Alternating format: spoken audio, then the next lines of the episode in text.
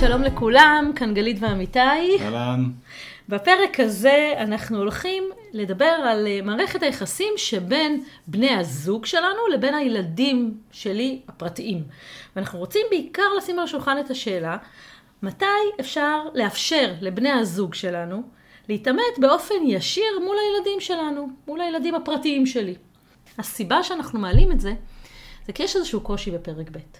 הקושי הזה אה, נובע מזה שאני הורה, יש לי ילדים, ויש את בן הזוג שלי. והרבה מאוד פעמים, כשבן הזוג מאיר, או, או בצורה כזאת או אחרת, מכירים את זה שהלב ישר ככה מתכווץ? שמאוד קשה לנו לשמוע את בני הזוג שלנו מעירים לילדים שלנו, אולי מתעמתים איתם, אולי אומרים להם דברים לא נעימים לשמוע. האינסטינקט הוא להגן על הילדים שלנו. והאינסטינקט הזה הוא מאוד חזק בפרק ב', ואנחנו, ולא משנה כמה זמן אנחנו נמצאים ביחד. כן, בסדר? שזה גם פחד. אחרי הרבה שנים, יש מין כאילו פחד כזה, בדיוק, אני, אני, אני לא רוצה שתעיר, אני לא רוצה שתתעמת, אני לא רוצה שתיכנס איתם לעימותים, אני רוצה להפריד, אני רוצה לשמור, אני לא רוצה שהדבר הזה יקרה, זה, זה עלול לפגוע בנו, עלול להפריד בינינו.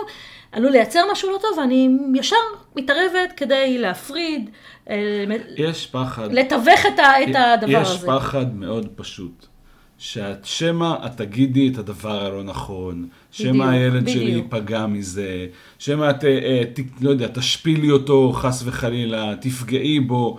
והילדים שלנו הם ילדים, הם יותר, אנחנו יותר, פחות סומכים עליהם, שהם יודעים להתמודד עם המצבים הרגשיים האלה, או שהם יעמדו מול בן אדם מבוגר בבית ויצליחו להחזיק את הקונפליקט או את העימות הזה. ולכן יש לנו צורך פנימי כזה לשמור, ו- ושהם פשוט לא להעמיד אותם במצב הזה אף פעם. ואתה אמרת לסמוך, והרבה פעמים אני גם לא סומכת עליך. אנחנו לא סומכים על בני הזוג שלנו, על זה שהם יגיב, יגיבו ממקום מאופק, על זה שהם ישלטו במילים שלהם, על זה שזה ייאמר בצורה יפה ונכונה, זאת אומרת, אנחנו לא סומכים עליהם.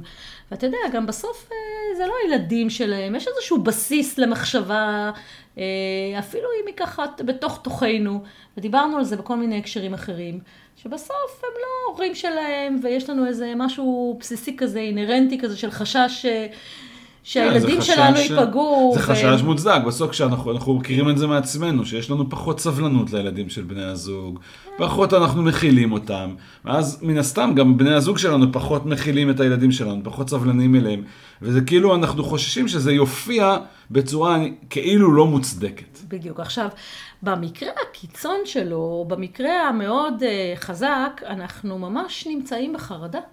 בחרדה מזה שיהיה איזושהי תקשורת לא טובה בין בני הזוג לבין הילדים שלנו, ממש. זאת אומרת, אנחנו מדברים עם הורים, ו- ושמספרים לנו שהם מסתובבים בחיים, והם הם במתח, הם במתח מזה שלא יהיה ריב.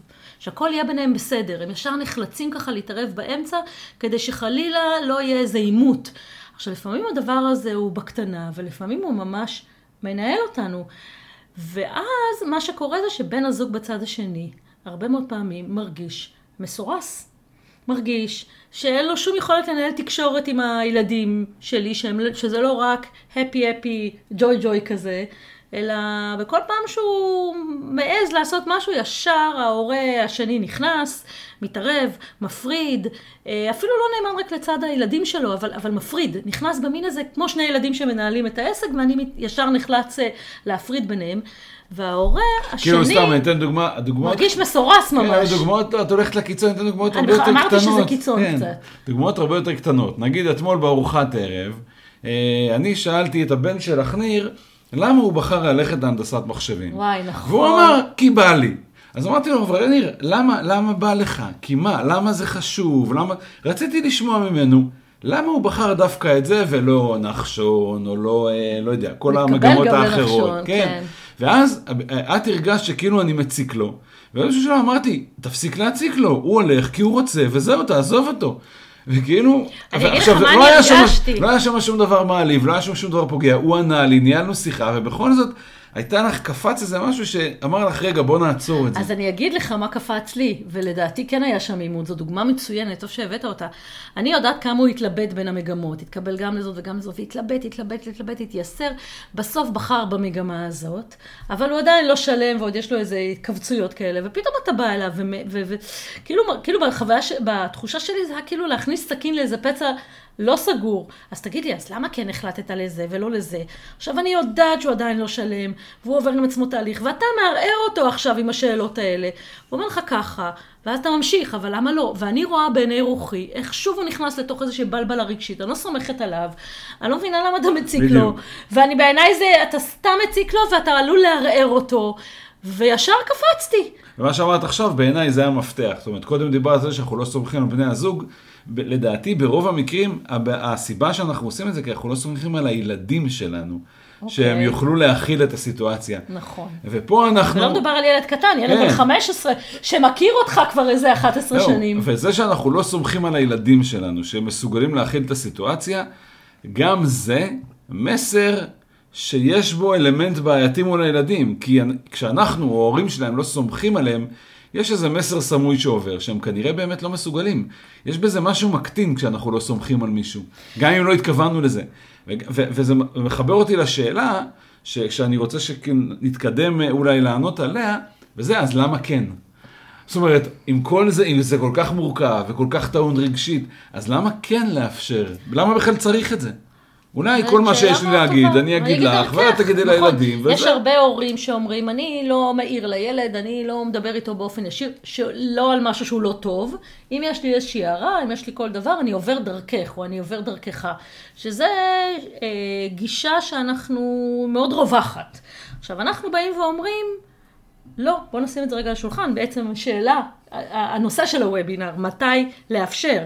לא שאלנו האם, אלא אמרנו מתי לאפשר. זאת אומרת שבגישה שלנו אנחנו אומרים שכן, צריך לאפשר תקשורת ישירה בין בני הזוג שלנו ובין הילדים, גם בקטעים פחות נעימים, גם כשאנחנו מרגישים כהורים שגם אם אנחנו מופעלים רגע, אנחנו צריכים רגע, אנחנו כהורים רגע לעמוד מהצד ולווסת את עצמנו. והשאלה היא למה? למה זה חשוב? למה, כמו שאתה אומר, לא חייבים. אני חושבת שהתשובה מתחילה קודם כל בלהבין שאם אנחנו רוצים שתהיה מערכת יחסים אמיתית, מלאה, קרובה, בין בני הזוג שלנו לבין הילדים שלנו, אנחנו צריכים לאפשר לכל הצדדים במערכת יחסים להיות. הרי במערכת יחסים היא לא דבר אה, חד צדדי, אין בה רק, אה, כמו בכל מערכת יחסים יש שני אנשים, זה לא רק יופי וחום ואהבה וכולי, אלא יש גם קטעים פחות טובים. זה תמיד, זה הגיוני שיהיה ככה במערכת יחסים, בטח במערכת יחסים בתוך משפחה. זה, זה הגיוני, זה אנושי. עכשיו, ברגע שאנחנו חוסמים איזושהי תקשורת מסוג מאוד מסוים, אז אנחנו סירסנו את מערכת היחסים, או הפכנו אותה למשהו לא טבעי. במערכת יחסים אמיתית, שח... בטח שחיים בבית, עם ילדים, ואחד בתוך השני, אז כן, יש גם טוב, וגם פחות טוב. כל ניסיון למנוע את זה, הופך את הדבר הזה למלאכותי, לא טוב, לא אמיתי ולא לא אפשרי גם לאורך זמן כן. ולאורך חיים שלמים. זה מין uh, הצגה, או לפעמים אני קורא לזה תפאורה של מערכת יחסים. נכון. כי בתוך מערכת יחסים בין שני אנשים, ובכלל כבן אדם, כל קשת הרגשות תמיד פתוחה בפניי. אני יכול להיות מאוד שמח ואני יכול להיות מאוד עצוב. אני יכול מאוד uh, להתרגש ו- ולקוות ו- ולחלום, ואני יכול להרגיש מיואש ומתוסכל, וזה לא שזה טוב וזה רע, זה פשוט רגשות שונים. ואנחנו רוצים לאפשר את הרגשות השונים האלה גם בתקשורת שלנו מול הילדים האלה, או בכלל מול בני אדם אחרים. כי אחרת, אם אנחנו, אה, אה, מה, מה שהדימוי שאני זוכר, עובד לי תמיד, זה להבין שהחבל הזה מתקצר משני הצדדים.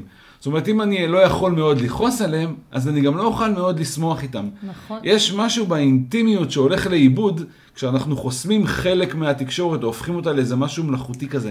וזה, ואם המטרה, ואני חושב שזאת המטרה, לייצר מערכת יחסים אינטימית, פתוחה, אמ, אמ, שיש בה חום ויש בה אהבה, ויש בה את כל מה שאנחנו, כאילו, אנחנו רוצים לחיות ביחד באמת כמו משפחה משולבת, אז אנחנו רוצים למצוא את הדרך שבה מערכת היחסים הזאת תיווצר, ויהיה בה גם את כל החלקים של מערכת היחסים. זה נכון, זה, תראה, בתוך תוכנו, אולי אנחנו לא אומרים את זה, אבל כאילו היינו רוצים, בסדר? בסוף היינו רוצים שבני הזוג שלנו... יתייחסו, שיהיו הורים במקום מסוים לילדים שלנו. אני אומרת את זה רגע ברור, בעדינות, לא להיבהל. הם לא, הם לא אבא שלהם ולא אמא שלהם, אנחנו יודעים את זה. אבל כן, לכולנו יש איזה רצון. הלוואי ותאהב את הילדים שלי ויהיה לך קשר אליהם. כמו, אני רוצה שתהיה הורה בשבילהם בסוף. עכשיו, אם אנחנו רוצים את בני הזוג שלנו, הורה, שוב, משולב, אבל הורה לילדים שלנו, אז במערכת יחסים שבין הורה לילד יש גם. וגם, זה בדיוק מה שצריך להיות ומה שקורה. אז זה דבר אחד. נכון, עכשיו, חוץ מזה, כמו שאמרתי קודם, כשאנחנו לא סומכים, אז זה מקטין. גם במקרה הזה בעצם יש איזשהו מסר סמוי. אם אני כהורה, אבא, צריך לתווך בינך לבין הילד ובין הילד לבינך, זה אומר שמשהו פה, אה, יש, יש איזה צורך להיזהר פה ממשהו. נכון. את צריכה להיזהר ממנו, והוא צריך להיזהר ממך. זאת אומרת, בלי שהתכוונתי, מעצם ה- זה שאני נכנס שם באמצע, אני מעביר איזשהו מסר סמוי, שמשהו פה לא טבעי, אולי אפילו קצת מסוכן, אולי צריך להיזהר ממנו. ואז אין סיכוי ש- שייווצר משהו אחר, כי אני, בלי לשים לב, כל הזמן אה, אומר שזה, שמשהו פה לא בסדר. ב- ואז אני גם, נכון מאוד, ואז אני גם לא נותן מקום בסוף לבן הזוג שלי, בבית, במשפחה, אני מקטין, אני אמרתי קודם מסרס, זו אולי מילה קצת קשה, אבל, אבל קורה שמגיעים אלינו זוגות, ואחד מבני הזוג אומר, אני, אין לי שום אה, גישה לילדים, ואני מרגיש שהם לא סופרים אותי, שאין לי איזשהו מקום, אני מרגיש שאין לי מקום בבית, מין אני לא נספר, את מנהלת את הכל, וגם את התקשורת, זה מאוד מקטין ומבטל, ואנחנו לא רוצים להקטין את, אה, את, הבן, את בן הזוג שלנו, להפך, אנחנו רוצים להעצים אותו, אז, אז זה נכון משני הצדדים, גם מול הילד וגם מול אה, בן הזוג. וגם- שוב, אנחנו מדברים על מקומות הכיוון, אבל גם בכיוון ההפוך, קיצוניים. לפעמים אנחנו חוסמים את הילדים שלנו, כי אנחנו יודעים שהם עלולים לפגוע נכון. בבן הזוג, כי בן הזוג או בת הזוג רגישים, ואם הוא יגיד לה אז היא תיפגע, ובעצם אנחנו כאילו, אמ, כאילו חוסמים את ה... כאילו מגינים עלייך מפני הילד, כאילו שמשהו, ואז נותנים לו תחושה שאנחנו אולי קצת מתביישים בו, נכון. קצת מאוכזבים ממנו, שהוא קצת, משהו איתו לא בסדר, וזה גם לא, גם לא מסר שאנחנו באמת רוצים להעביר, אבל זה מה שעובר במקומות האלה שבהם אנחנו הם, באופן מלאכותי נעמדים באמצע בין, בקשר בין שני אנשים. אז- ולכן, וכל כל מה שדיברנו עכשיו, זה לא על איך עושים את זה או מתי עושים את זה, זה היה, היה התשובה לשאלה למה זה חשוב. למה בכלל למה לאפשר את זה? נכון. והסיבה שזה חשוב זה כי אנחנו באמת רוצים, אם בחרנו לחיות יחד ולחבר את הילדים לתוך הסיטואציה הזאת ולשלב את הזוגיות והמשפחה, אז אנחנו רוצים שייווצרו שם מערכות יחסים מלאות, אמיתיות, כן, שלמות, נכון. שבהם יש תקשורת פתוחה וחופשית ואינטימית בין כל הצדדים, בלי שאין, אף אחד לא מתווך שום דבר לאף אחד. נכון. זאת המ... זה, זה השאיפה, זה החלום כאילו. נכון. ולא משנה דרך אגב, גרים בשני בתים או בבית, או בית נפרד, לפעמים, לפעמים אנשים חושבים שזה חלק מהסיבות לא לגור ביחד, זה כדי להימנע מהעימותים האלה בין בני הזוג לילדים. זה לא רלוונטי, כי כשברגע שאנחנו מתחילים להיפגש ול, וללכת ולהיות ולעשות דברים ביחד, בכל מקרה. אני אגיד לך יותר מזה, אם הזאת. זאת הסיבה ללא לגור ביחד, שזה אולי נושא אחר, אז אני, אני רק אגיד מילה, יש אה, בסוף גם רווח מאוד מאוד גדול בלחיות עם עוד מישהו, גם בריבים, גם בעימותים, גם וכולי. אנחנו מרחיבים את העולם של הילד, שלנו, אנחנו מכניסים עוד אנשים לתמונה. אז כן, יש לזה, אז אולי אנחנו נמנעים, כי אנחנו לא מייצרים כן. עימות, אבל אנחנו מפסידים במקומות אחרים. אז בוא, אז בוא בוא ננסה רגע- למתי. בדיוק, כן? אז בואו נדבר רגע, אמרנו בעצם אה, למה, למה בכלל, זה, למה זה קשה, למה זה מאתגר רגשית. אמרנו למה כן לאפשר, כי זאת, אה, זה מה שאנחנו מאמינים, זה מה שאנחנו רואים. עכשיו בואו נדבר על, על מתי, שזה מה ששאלנו, באיזה הקשרים, מה תמיד לאפשר, Mm-hmm. בכל מצב, בכל נושא, בכל שלב של הקשר, בכל גיל של הילדים. אז אני רוצה רק להגיד את ה-obvious של ההתחלה, ואחרי זה נרחיב את הנושא, ואני אתחיל במתי לא, בסדר? או, מתי מעניין. לא. לא, אוקיי. זה לא נכון לייצר, ל- לתקשר בצורה חופשית מלאה, פתוחה, כולל ביקורת, עימותים ו- וכל מיני דברים, הילדים של בני הזוג, הערות. בפגישה הראשונה, בארוחה הראשונה, בחופשה הראשונה, ביום הראשון אה, שעושים את זה, באירוע הראשון. גם לא בשבוע הראשון. זה לא נכון לעשות את זה דבר, בדבר הראשון, כדבר ראשון, בסדר? כמו בכל אה, מערכת יחסים, כמו שאני בא למשרד חדש, לחברה חדשה, כמו שאני פוגש בן זוג חדש, כמו שאני מכיר בן אדם ברחוב, אני לא דבר ראשון אומר לו מה אני חושב עליו. אני רגע נותן לעצמי זמן להכיר אותו, ללמוד אותו, ושומר את כל המחשבות שלי לעצמי. עכשיו, אני, אני כן אומר, אני בכוונה אומר בפעם הראשונה, כי המלכודת זה להגיד, אה, אז כשתהיה מערכת יחסים טובה, ואחרי שנעשה מספיק ככה וככה וככה, ואני לא הולך לשם, כי זה אינסופי, ו- ו- וממש לא לזה התכוונתי. אני באמת מתכוון לפעם הראשונה.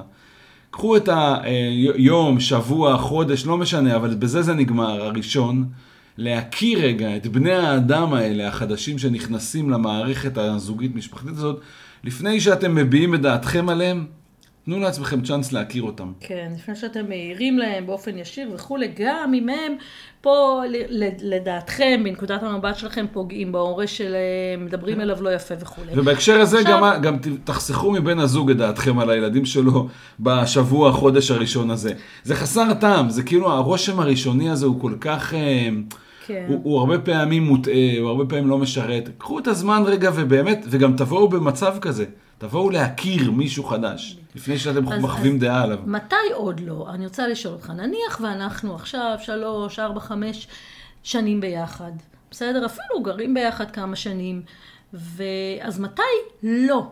מה שנקרא... מתי לעצור מתי את זה? מתי לעצור את זה? מתי לא לאפשר לבני הזוג שלנו להתעמת מול הילדים שלנו? כי אם אמרנו שאנחנו רוצים תקשורת ישירה, ויש ביניהם, ו- וקורים דברים, פתאום אני רואה את בן הזוג שלי, מעיר לילד שלי, נוצר שם איזשהו אפילו ויכוח ביניהם, אז מתי לא לאפשר? מתי להתערב, ומתי לא להתערב ולצ... וללכת החוצה. אוקיי. Okay. אז אני, אני אתייחס לזה מכמה דברים שאני חושב, ותוסיפי את אחר כך. קודם כל, אני חושב שבמידה ואין פה איזה אירוע קיצוני של מכות, קללות, או כל מיני כאלה, אז באופן כללי לא לעצור את הסיטואציה ברגע שהיא קורית. לתת לזה לקרות ולדבר על זה אחר כך, כי, כי עצם העצירה היא גם כן איזה מסר שאנחנו לא בהכרח רוצים להעביר. אז זה ממש, כשאנחנו רואים את זה קורה מול העיניים, גם אנחנו יכולים רגע לעצור את עצמנו. אבל הצד השני של זה, אני אגיד, ופה דווקא אני חושב שיש אחריות רבה על בני הזוג ולא על ההורים. כשאני כבן זוג מרגיש שאני מוצף רגשית מהאירוע הזה, שנפגעתי מהילד הזה, שאני מרגיש איזשהו חוסר ויסות רגשי עם עצמי, ואנחנו יודעים מתי זה קורה. אנחנו לא תמיד מצליחים לעצור את זה, או לשלוט בזה, או לעצור את התגובה, אבל אנחנו יודעים מתי זה קורה. כשאנחנו מרגישים את זה, זה הזמן שלנו לעצור, או אפילו לבקש מהבן זוג שיעצור אותנו. כי שום תגובה שתהיה מהמקום הזה היא כנראה לא תהיה תגובה בכל מקרה מיטיבה או טובה, ולא תשרת אותנו כנראה בשום אה, צורה. אז כשאנחנו, אז, אז דווקא פה אני שם את האחריות על בני הזוג, כי, כי ההורה עצמו לא יודע מתי אני מרגיש ככה. זה אני יודע את זה. כן. אז, אז זה משהו שהוא חשוב. ובאופן כללי אני אגיד, אני כן חושב שנכון דווקא להסתכל על זה על מתי כן. זאת אומרת, נכון שתהיה שיחה ביני לבינך, שבה אנחנו נדבר בתחילת הקשר, באופן כללי, על מקומות שבהם אנחנו מבקשים שתימנעי, או מקומות שבהם אנחנו דווקא מבקשים שתצטרפי או תתערבי. זאת אומרת, איזושהי הסכמה בינינו, מה ההקשרים שבהם, מבחינתי, יש לך יד חופשית לעשות מה שאת רוצה, ואם יש דבר אחד או שניים שבהם אני מבקש ממך לא להתערב, אז גם זה יכול להיות משהו שהוא אה, איזושהי הסכמה שאנחנו יכולים לעשות בינינו, שהיא לגיטימית בעיניי. ואז אם עברת לצורך העניין, אם סטית, אז אני יכולה להתערב, כי דיברנו שבעניין הזה לא תתערב. אז אני אומר, לא תעיר, אז או אני, לא תריב איתו. אז אני לא משוכנע, זאת אומרת, אמרתי קודם, אולי דווקא את לא צריכה להתערב, אבל להחזיר אותי אחר כך, להגיד לי, רגע, סיכמנו, אולי לא לעצור את זה באותו רגע, אבל לוודא שאני זוכר את ההסכם בינינו, אבל זה פחות חשוב. קודם כל, מה שאמרת זה נכון, אבל אני חושבת שהשאלה מתי כן דווקא להתערב, היא שאלה מאוד טריקית, כמו גם השאלה מתי לא, בסדר? זה שני הצדדים. שאלה מאוד טריקית ומאוד רגישה, ואין עליה תשובה ברורה.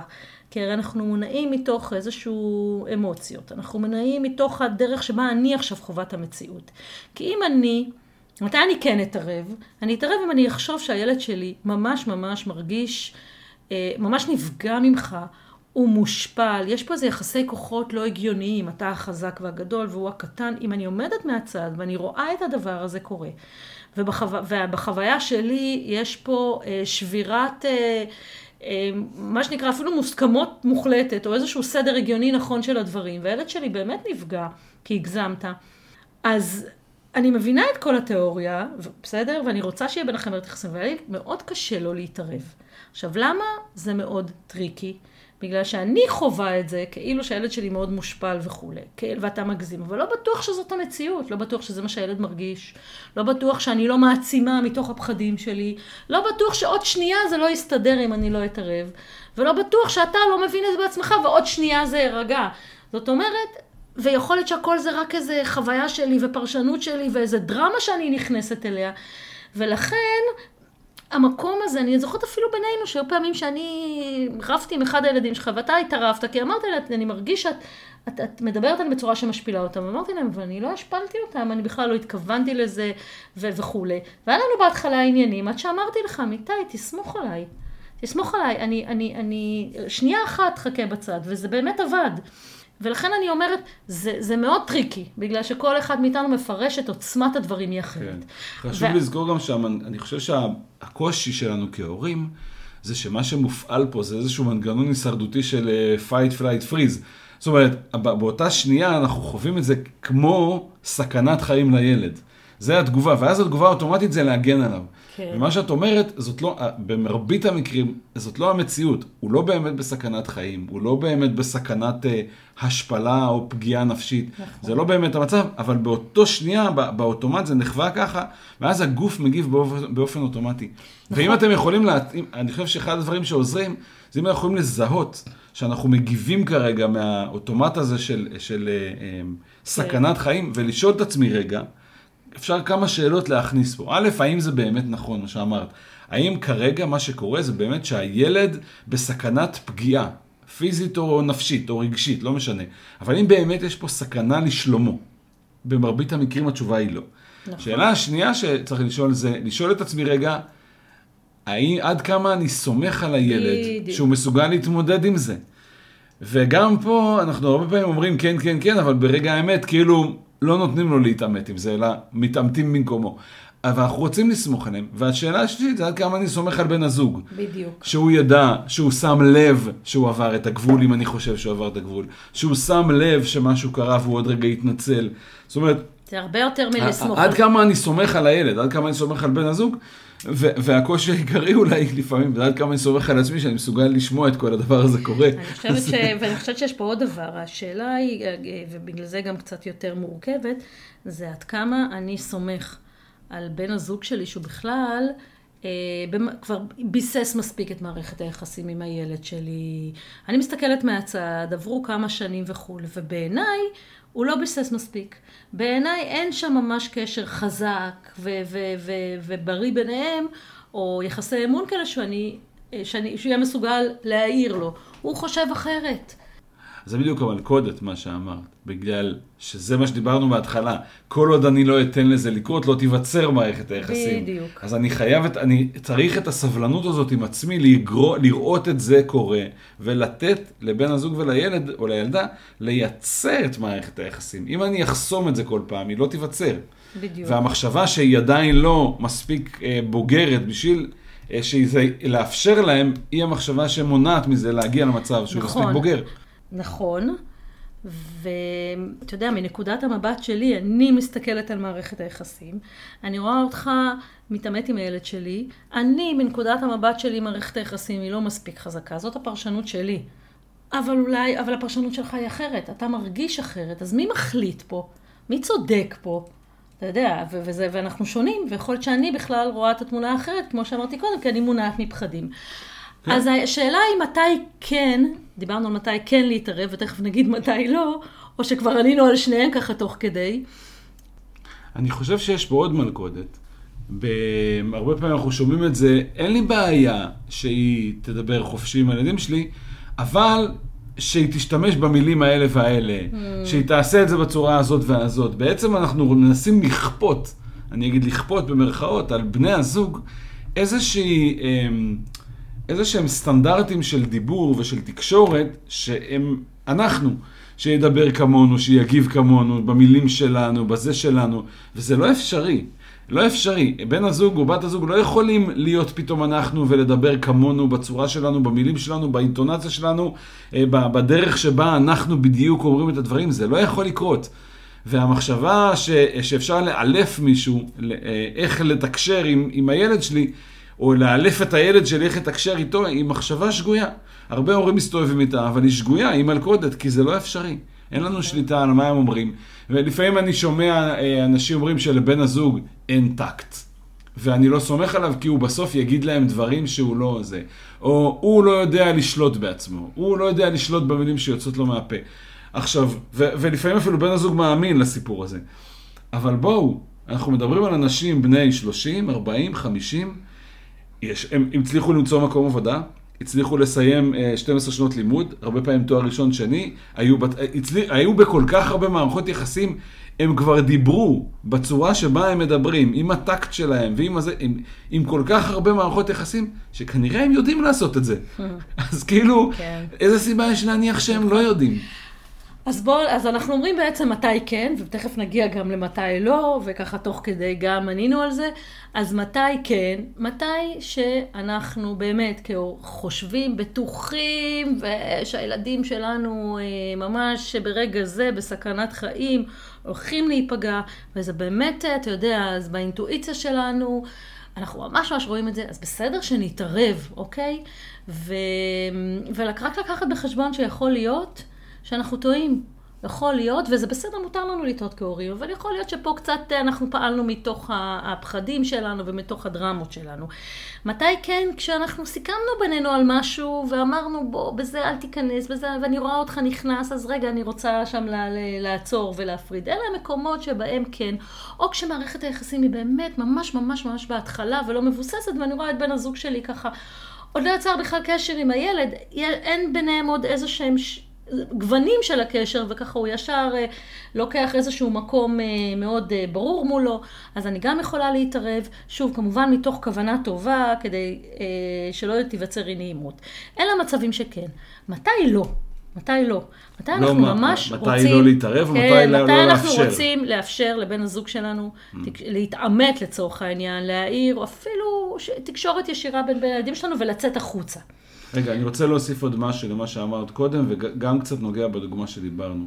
יש מצבים שבהם הילד שלי נמצא באיזשהו תהליך רגשי, לפעמים באיזשהו טיפול נכון, פסיכולוגי, נכון, ובנושא מסוים שבו אני לא רוצה שבן הזוג יתערב. נכון. זה לגיטימי לק... לבקש את הדבר הזה, לדרוש את הדבר הזה ולעמוד על זה שזה לא יקרה. בסוף אנחנו כבני זוג צריכים גם קצת ענווה וצניעות. לגמרי. לה- להבין שהקשר של ההורה והילד הם כנראה יותר חזקים מכל דבר שאנחנו מסוגלים להבין, ואם ההורה בנושא הזה מבקש ממני לא לנסות להשפיע, לא להגיד את דעתי, אפילו לא לשאול אותו על זה, אם יש מקום כזה, תסמכו על ההורה שהוא יודע למה הוא עושה את זה, זה לא נגדכם, ותכבדו באמת את המקום הזה, כי יש מקומות והקשרים וילדים שנמצאים בכל מיני סיטואציות מאוד רגישות, נכון. שאנחנו עלולים כבני זוג לעשות נזק. נכון. בסדר? יש מקומות כאלה. לפעמים דווקא זה הפוך, לפעמים בן הזוג יכול להגיע לנקודות שבהן ההורה לא יכול. נכון מאוד. סבבה. אבל אם ההורה אומר לא, אז נא לכבד את זה. ולא באמת. לחשוב שזה מניפולציה, כן. או לא לחשוב שיש שם מאחורי איזה משהו, אלא באמת לסמוך. תמיד אנחנו ואם חוזרים אתם, ללסמוך על הבני ואם זוג אתם שלנו כהורים אחד על רואים השני. את הדבר הזה קורה ובאמת חוששים כן. לשלומו הנפשי של הילד, אז אנחנו מפצירים בכם לעצור את זה מיד, ולא לתת לדבר הזה נכון. לקרות. ואני בכוונה אומר את זה פה בצורה מאוד נחרצת, כי אני חושב שיש מקומות שבהם זה מאוד חשוב שזה יהיה בצורה נחרצת. נכון. זה בוא נכון מאוד. עכשיו בואו נלך למקומות ש, ש, שמתי לא, מתי אנחנו רוצים רגע ללכת צעד אחורה, לראות את הדבר הזה קורה.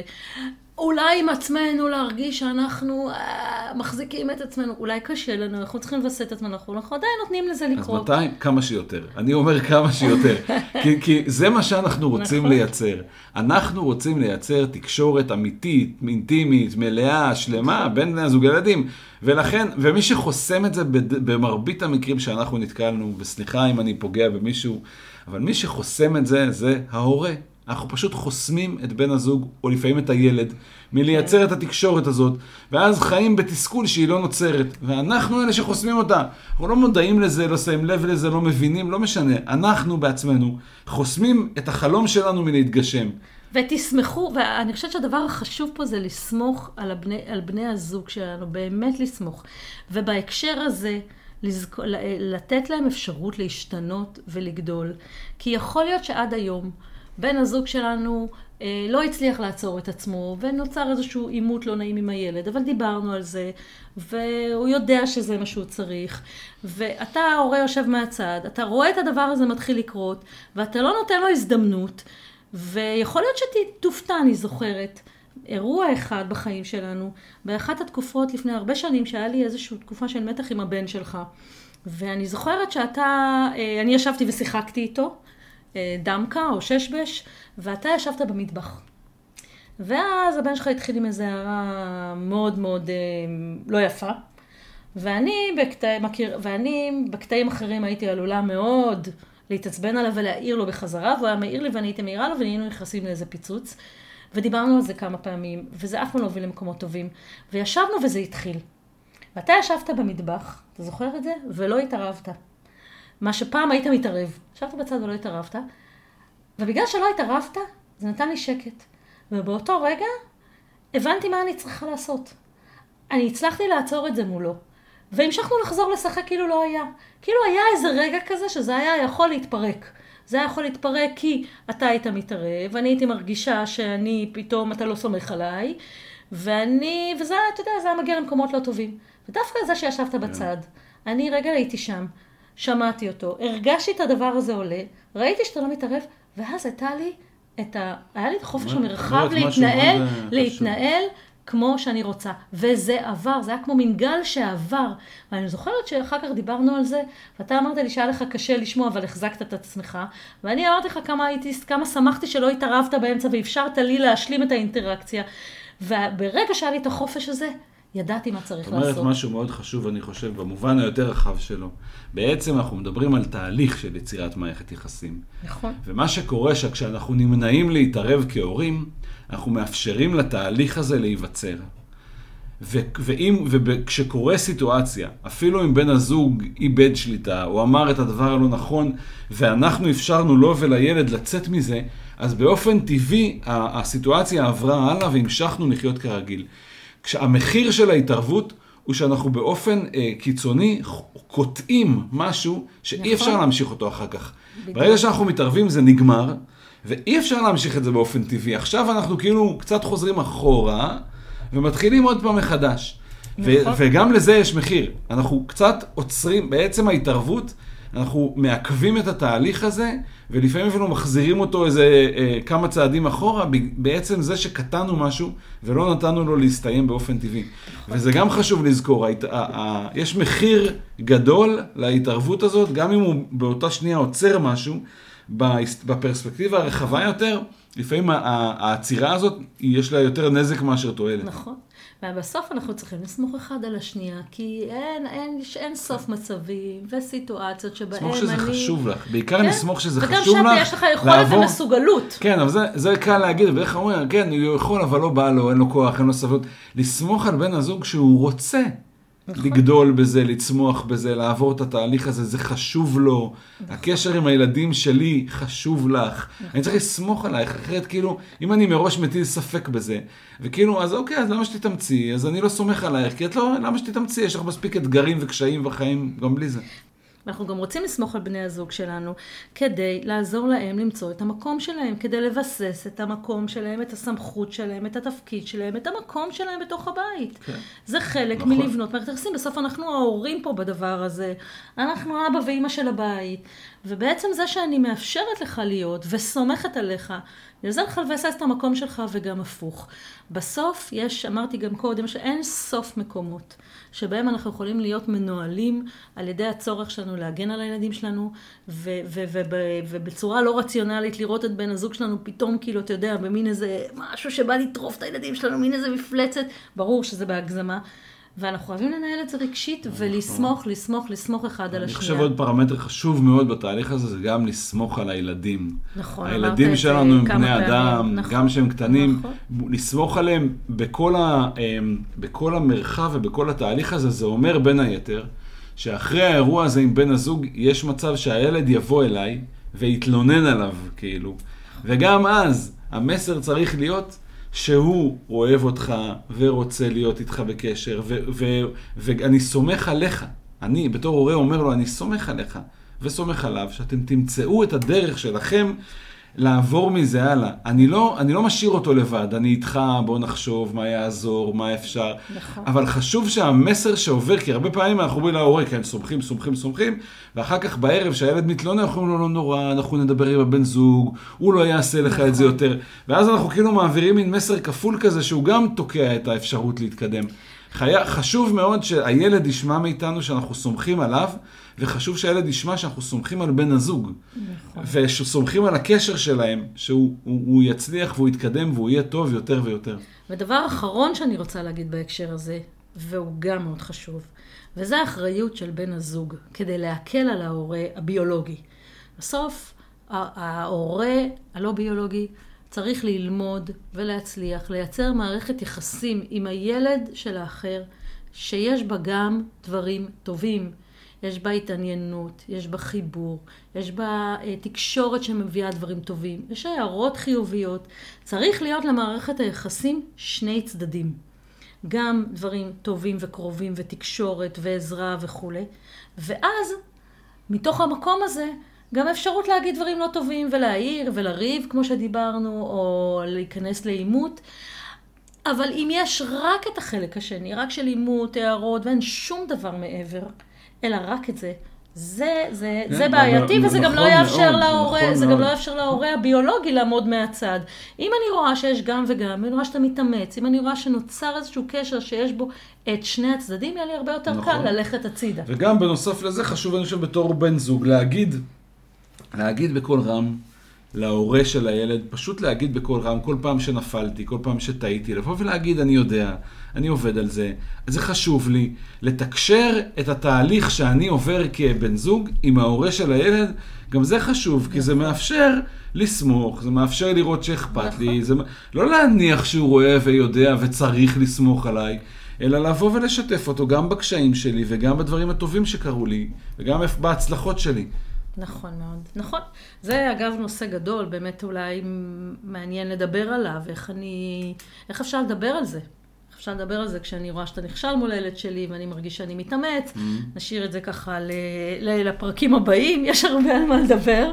אז, אמ, אז זהו, נסיים את הפרק הזה, ואני מקווה שהמאזינים ככה קיבלתם אה, נקודות למחשבה וכיוונים. וכמו תמיד אני מזמינה אתכם אה, לתקשר איתנו, לכתוב לנו, לשאול אותנו שאלות בקבוצה שלנו, משלבים זוגיות ומשפחה בפרק ב' עם גלית ועמיתי. ואני מזכירה לכם וגם לנו, אפילו אחרי כל כך הרבה שנים, שאנחנו כל הזמן נמצאים בצמיחה, בהתפתחות, מדייקים את עצמנו, שואלים את השאלות הנכונות. אתם יודעים, גם ילדים גדלים, הם, הם משתנים, אנחנו משתנים, ואנחנו כל הזמן אה, עוד, עוד ועוד בונים. ו...